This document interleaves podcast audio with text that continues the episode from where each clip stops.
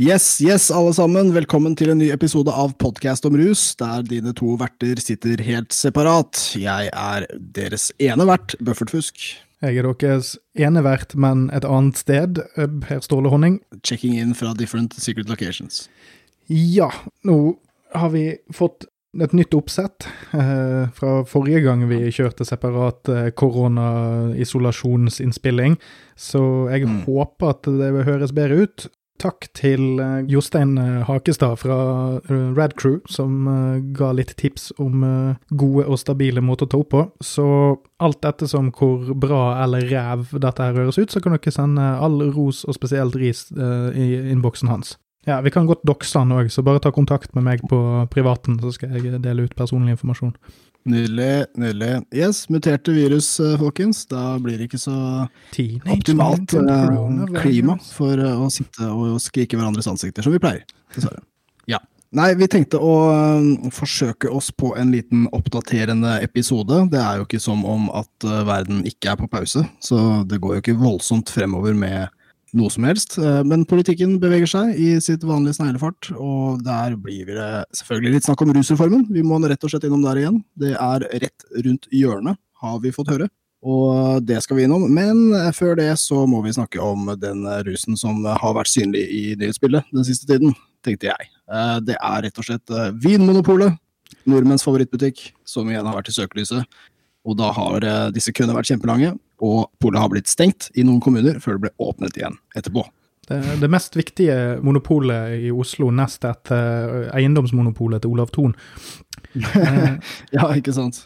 Det var jo slik at eh, enkelte kommuner fikk polene blitt brått stengt da det ble nye tiltak innført veldig tidlig på dagen. Eh, Noen stengte da polet klokka ti, og de som hadde vært tidlig ute, ble, noen ble snytt. Og det er selvfølgelig tøft for nordmenn. Eh, Men da begynte folk i Oslo å dra til nabokommunene, og det skjedde visst også andre steder i landet. Og da ble de åpnet igjen av smittevernhensyn og av hensyn til rusavhengige. Og dette ble sagt av FHI sin representant. Det syns jeg var veldig fint. Dette var jo noe de burde kunne sett komme.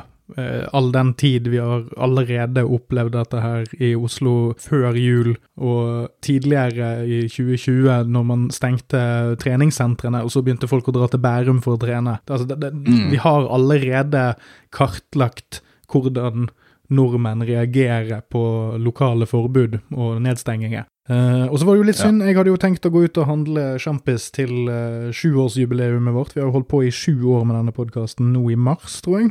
Ikke verst. Ingen feiring. eh, vi er inne i sesong åtte. jeg, jeg gidder ikke å lage noen jubileumsepisode, i hvert fall.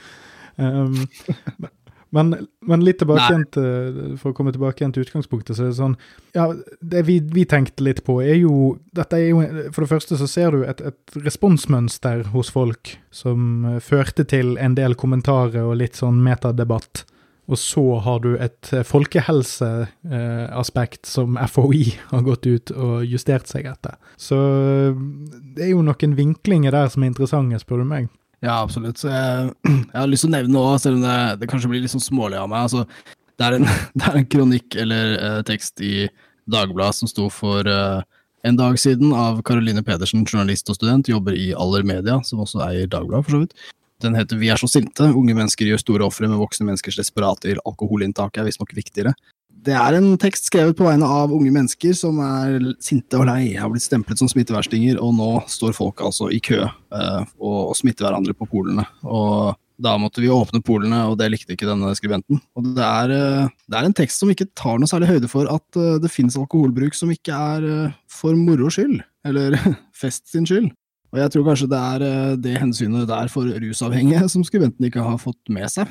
Det, er en litt sånn smålig tekst. Handler rett og slett om at uh, vi, de, de unge menneskene får ikke lov å dra på fest, og da burde på en eller annen måte ikke gamle folk få lov å drikke aleine heller. Det er jo ikke sånn at den ene tingen nødvendigvis utelukker den andre. Altså Ikke det der med ungdom på fest og sånt, men at folk drikker alkohol i dette landet, er jo et veletablert faktum. Og at vi er veldig dumme når det gjelder kortsiktig planlegging, er jo òg veldig åpenbart. Uh, Jf. dasspapirmangelen i mars 2020, når eh, pandemien traff oss og nedstengingen kom. Så jeg tror ikke det er så jævla viktig Altså, jeg har, jeg har, et poeng litt videre her om folk sin, sine alkoholvaner, det er ikke det. Men jeg tror ikke det at eh, det ble polkø har så jævlig mye med eh, at folk At det er en gruppe med mennesker, altså en slags sånn klasseforskjell eller et eller annet sånt, eh, som er i spill. At det er sånn å ja, boomers som eh, bare drikker kartong på kartong med rødvin og vasker dassene sine med dyr champagne og konjakk i helgene. Jeg tror ikke det var de som Jeg tror det var like mange relativt unge og, og middelaldrende. Og, altså, jeg tror det var ganske jevn uh, spredning i, i, ja, det, det i tror jeg mener jeg også å se i, i, um, i, køene. Altså at det i hvert fall var en del unge mennesker, jeg husker. Eh, og så er det også verdt å merke seg at det skjedde i Bærum, at i hvert fall der mediebildene kom fra. At det var lange køer der. Og det er, altså det er Oslo vest er den delen av landet som bruker mest alkohol per mm. innbygger. Og det er ikke sånn at de bare kan skru det av, folkens. Jeg tror ikke folk fra Oslo øst eh, dro til Bærum heller, de dro vel kanskje heller til Lørenskog eller et eller annet. Mm. Så det, det, det er eh, en, en, alkoholtung kultur, så vi skal kanskje, kanskje, ikke dømme den så veldig hardt heller, med tanke på at uh, i hvert fall denne teksten var skrevet fra perspektivet til en uh, tydelig alkoholdrikkende ungdom. eller ung person, eller hva jeg skal si. Ja. Så blir jo alle disse, nedste, eller disse tiltakene, når de kommer litt for seint og, mm. og, litt for strengt gang på gang på gang, så blir jo de sånne, sånne utløsende altså Det er den første dominobrikken igjen som, som, får alt til å rase og vende, og da er det som regel sånn at folk hiver seg rundt og har lyst til å komme med den hotteste taken.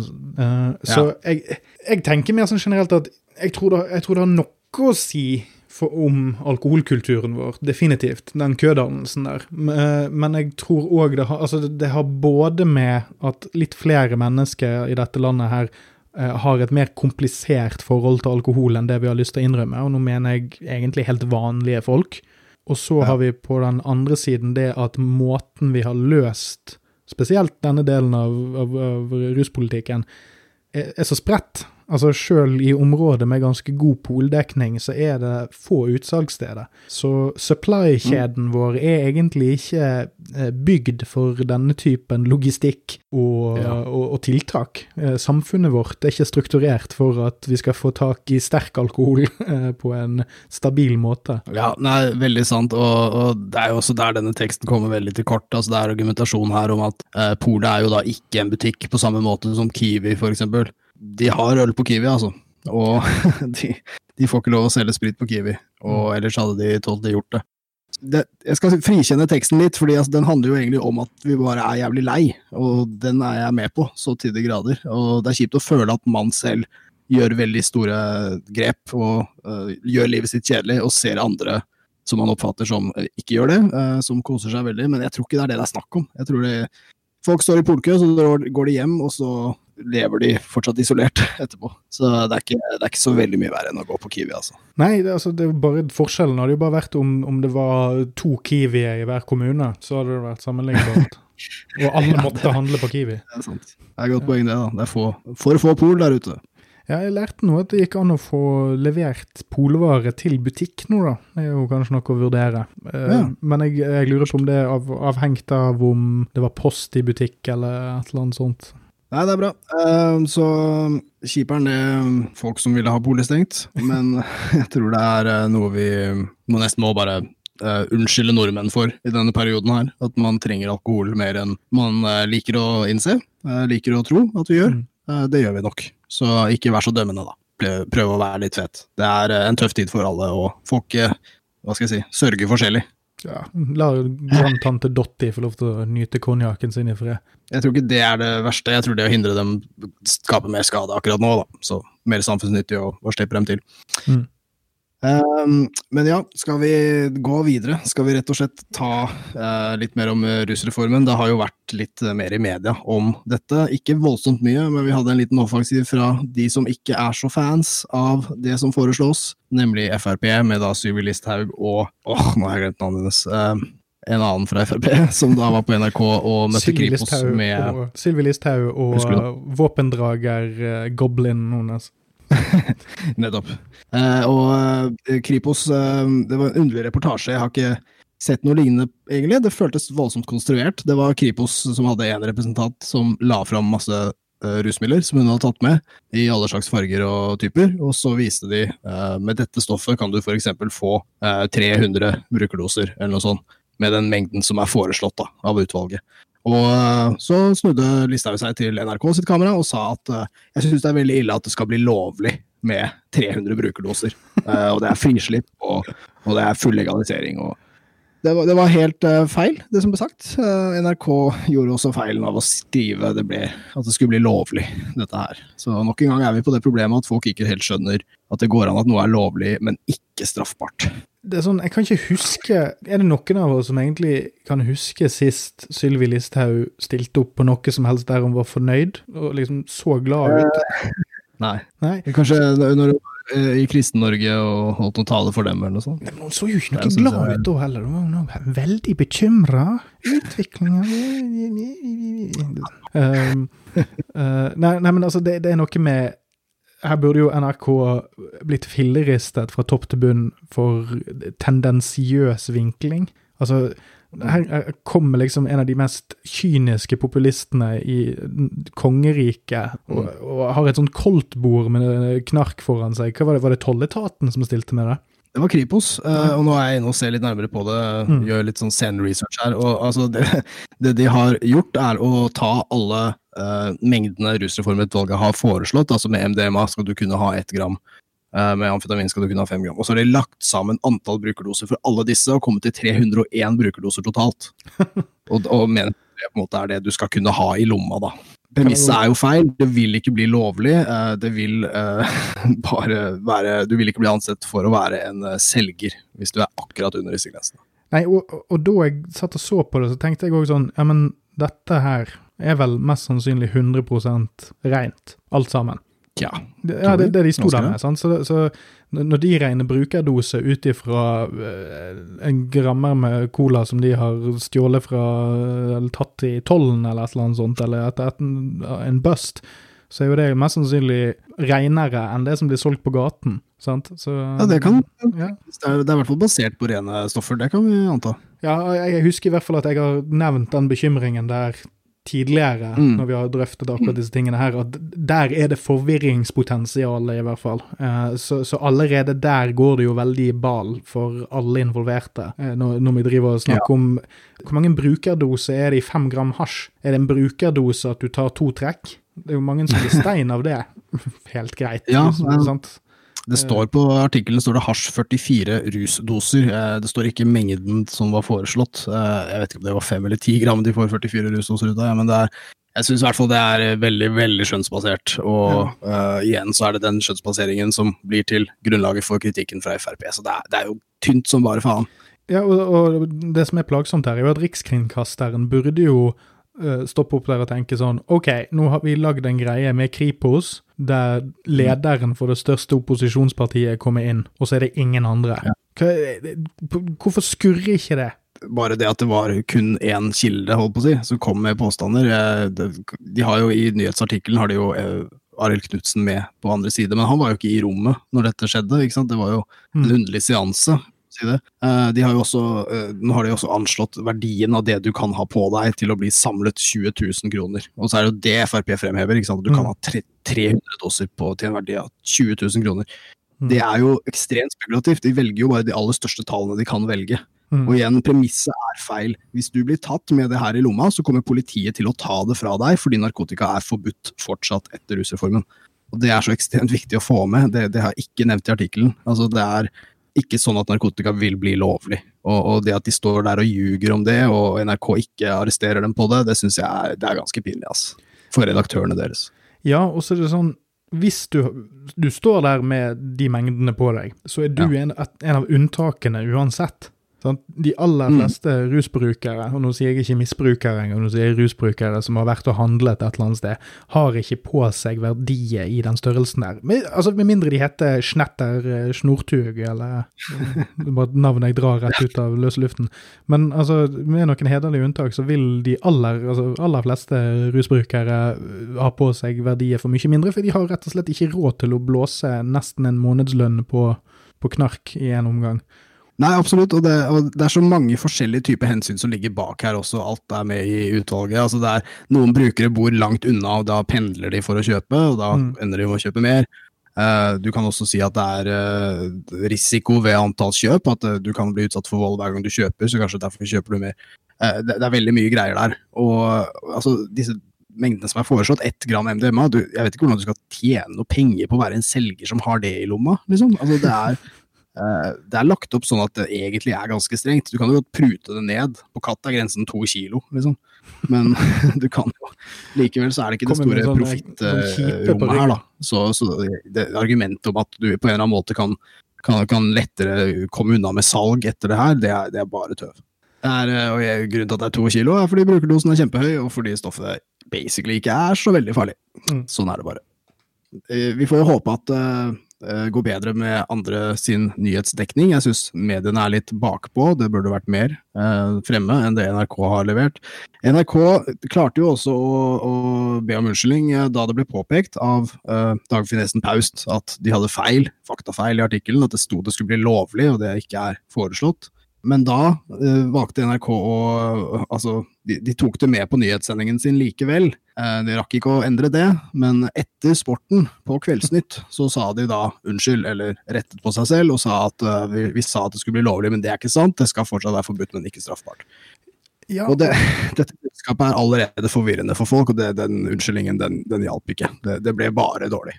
Så det hjalp ikke rusreformen, den, den reportasjen. Det er jo rart at det ikke er et eller annet slags krav i, i, pressens faglige utvalg eller redaktørplakaten eller et eller annet sånt om proporsjonal korreksjon. At når du har gjentatt en sak over x antall flate over x antall tid, så burde dementien, eller det at du trekker tilbake en påstand, bli frontet like bredt og like hardt, sånn at tilsvarende mange mennesker kan plukke opp korreksjonen.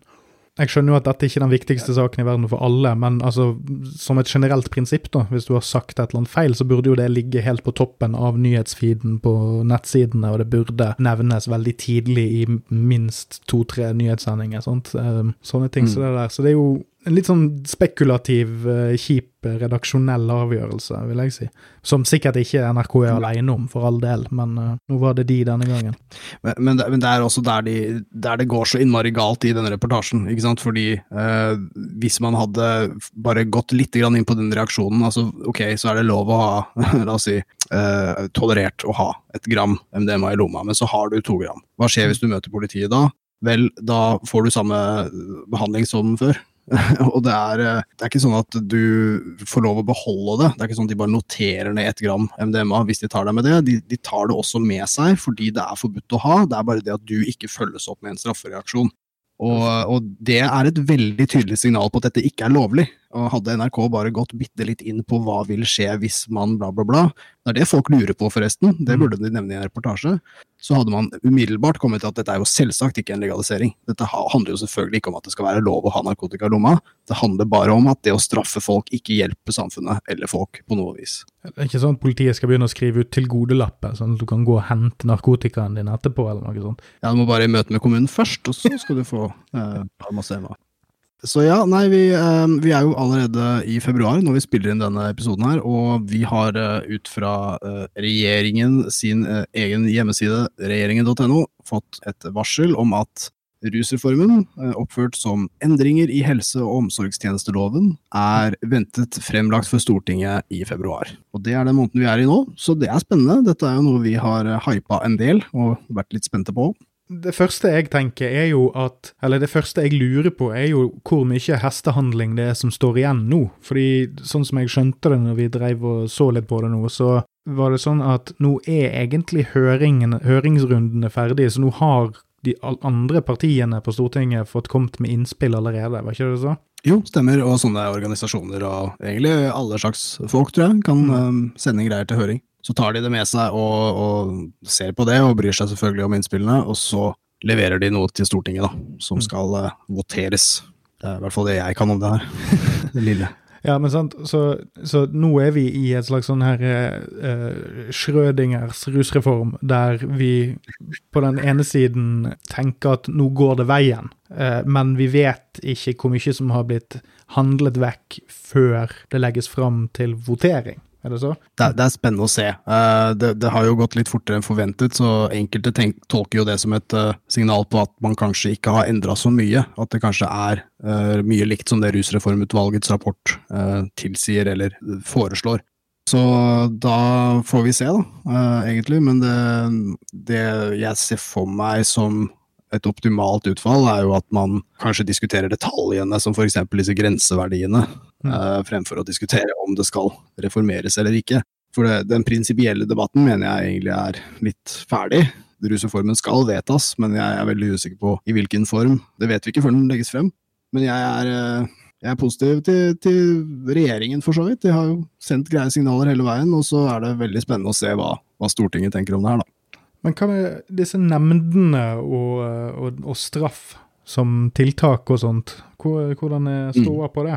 Eh, nei, Det er jo veldig teoretisk ennå, da. Eh, mm. men det er lagt opp til at det skal være kommunene som eh, tar seg av nemndene. Og det er jo sånne forvaltningsfolk på ballen med en gang og jamrer og skriker om budsjetter og hvordan det skal løses. Men, eh, det, og det er jo fortsatt uklart. Eh, men nei, eh, alt som er nevnt som jeg vet om, er at det skal være kommunalt. Og ja, det blir jo et, et, eget program, da, eller noe sånt som må opprettes.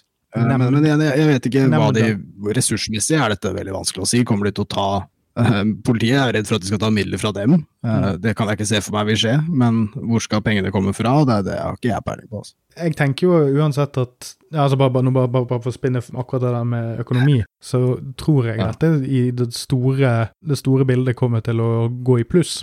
Men mm. jeg ser jo at det er et problem hvis dette bare lempes over på kommunene uten øremerkede midler. Sant? For det er noe som kan være disproporsjonalt eh, kostbart mm. for enkelte kommuner. Ja, det er, det er, veldig sant, det. Så det er jo nødt som må løses. Og det er jo, det er jo jeg, jeg, vet ikke noe om den politiske prosessen, eh, men det må i hvert fall først foreslås, og så tar man vel den budsjettdelen etterpå. Men jeg, eh, jeg håper ikke det på noen måte gjøres halvveis. Eh, for meg er det aller viktigste nå at denne rusreformen blir gjennomført, mm. og så må man fikse finansiering for å få den gjennomført etterpå. Men det, er, det kan i hvert fall ikke stoppe her, føler jeg. Det hadde vært en veldig stor tragedie hvis det ble nedstemt, og så Jeg må innrømme at jeg ikke helt vet hva som skjer da. Det, det, det, mest spennende for meg er, er, ja eller nei. Ja, men det er det samme her. Så det jeg òg da sitter og lurer på, er hva er sannsynligheten for et nei? Er det at Frp eller Arbeiderpartiet plutselig blir grinete og har lyst til å gå hjem med alle lekene sine? Sant? Det spørs litt hvor, hvordan blokkene er bygd opp, og hva det er som Om det er noe krangling igjen. Ja, veldig sant. Og det er, eh, det er, en veldig uoversiktlig la oss si, blokkdannelse bakover i partiene. Vi vet at uh, si, avholdsbevegelsen, vi skal peke på kartet et sted, så er det Vestlandet den står sterkt. Om, om, det betyr at uh, vestlandsavdelingene er imot innad i partiene, det aner jeg ikke. Men det, det, kan også komme mye ned til stortingsrepresentantenes eget syn, kanskje. eller om de følger partilinja. Altså, ja, for meg så er, er dette en uoversiktlig greie jeg, jeg, mener jo signalene har vært ganske klare på at, uh, at, et flertall av partiene er såpass positive, da. At der kommer optimismen fra. Ja, Så får vi håpe det at uh, det går igjennom før uh, Jan Bøhler får innført politistat i hele Oslo og får inntar Stortinget med en sånn stor mobb med bestemødre som er bekymret for pedofile knivgjeng. som styrer, ja, styrer myndighetene. Jan Bøhler som prøver å stanse rusreformen i Groruddalen. Men kan ikke ha den der. Han er jo så glad i Groruddalen, han vil jo derfor ha, innføre en politistat der borte. Dette var jo mitt litt sånn klønete forsøk på å få en fin Segway over på eh, mannen, myten, konseptet, abstraksjonen Jan Bøhler og hans rolle i det nye politiske Norge. Ja, vet du hva, han jo ehm, Han har jo på et vis forflyttet seg litt vekk fra uh, narkotikasaken, men visstnok skal det, Jeg er på politisk ryktefront her nå, altså, men det, det skal visstnok være en av grunnene til at han gikk ut av Arbeiderpartiet, er jo det er jo mye uenighet med Jan Bøhler, og mm. en av de tingene skal være om rus, for han er en veldig ivrig motstander av rusreformen og alt som uh, heter av ikke-straff på rusfeltet. Det er jo så utrolig åpenbart når du hører om disse kjernesakene hans, som er at vi er nødt til å være litt sånn strenge mot disse her innvandrerkidsa, og vi, vi, kan ikke bare være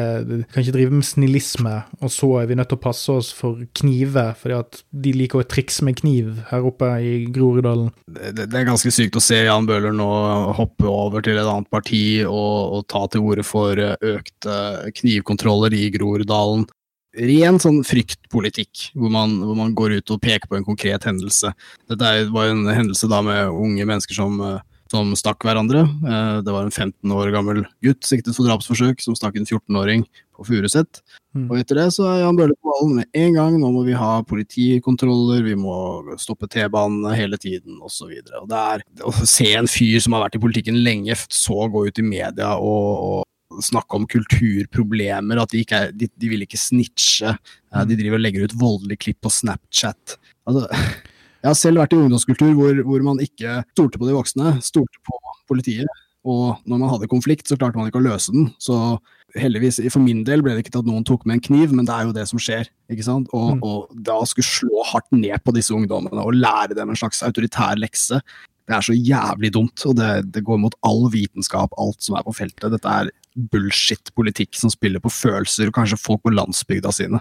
Mm. Jan Bøhlers SP-frieri, svikt, eh, svik mot Groruddalen. Ja, for det er litt sånn tosidig, dette her. Fordi jeg tenker sant, Vi har jo allerede vært inne på det at han, han snakker ikke så mye om russaken eh, offentlig. Nei. Men de det området han har som sin liksom, politiske kampsak, er Alle de tingene han bekymrer seg for, er egentlig eufemisme for kriminalitet som har noe med uh, rus å gjøre. Uh, når ja. han er redd for knivstikkinger og gjenger og sånt, så er det jo uh, narkotika han tenker på. som ja, det er det, det, det er det. Vi kan ikke alltid si det spesifikt om uh, den og den gjengen, men tradisjonelt så har gjengrelaterte knivstikkinger i hele Skandinavia egentlig vært veldig knytta til, til hasjmarkedet spesielt, og, og, en eller annen form for inntekt som de har da, å slåss om.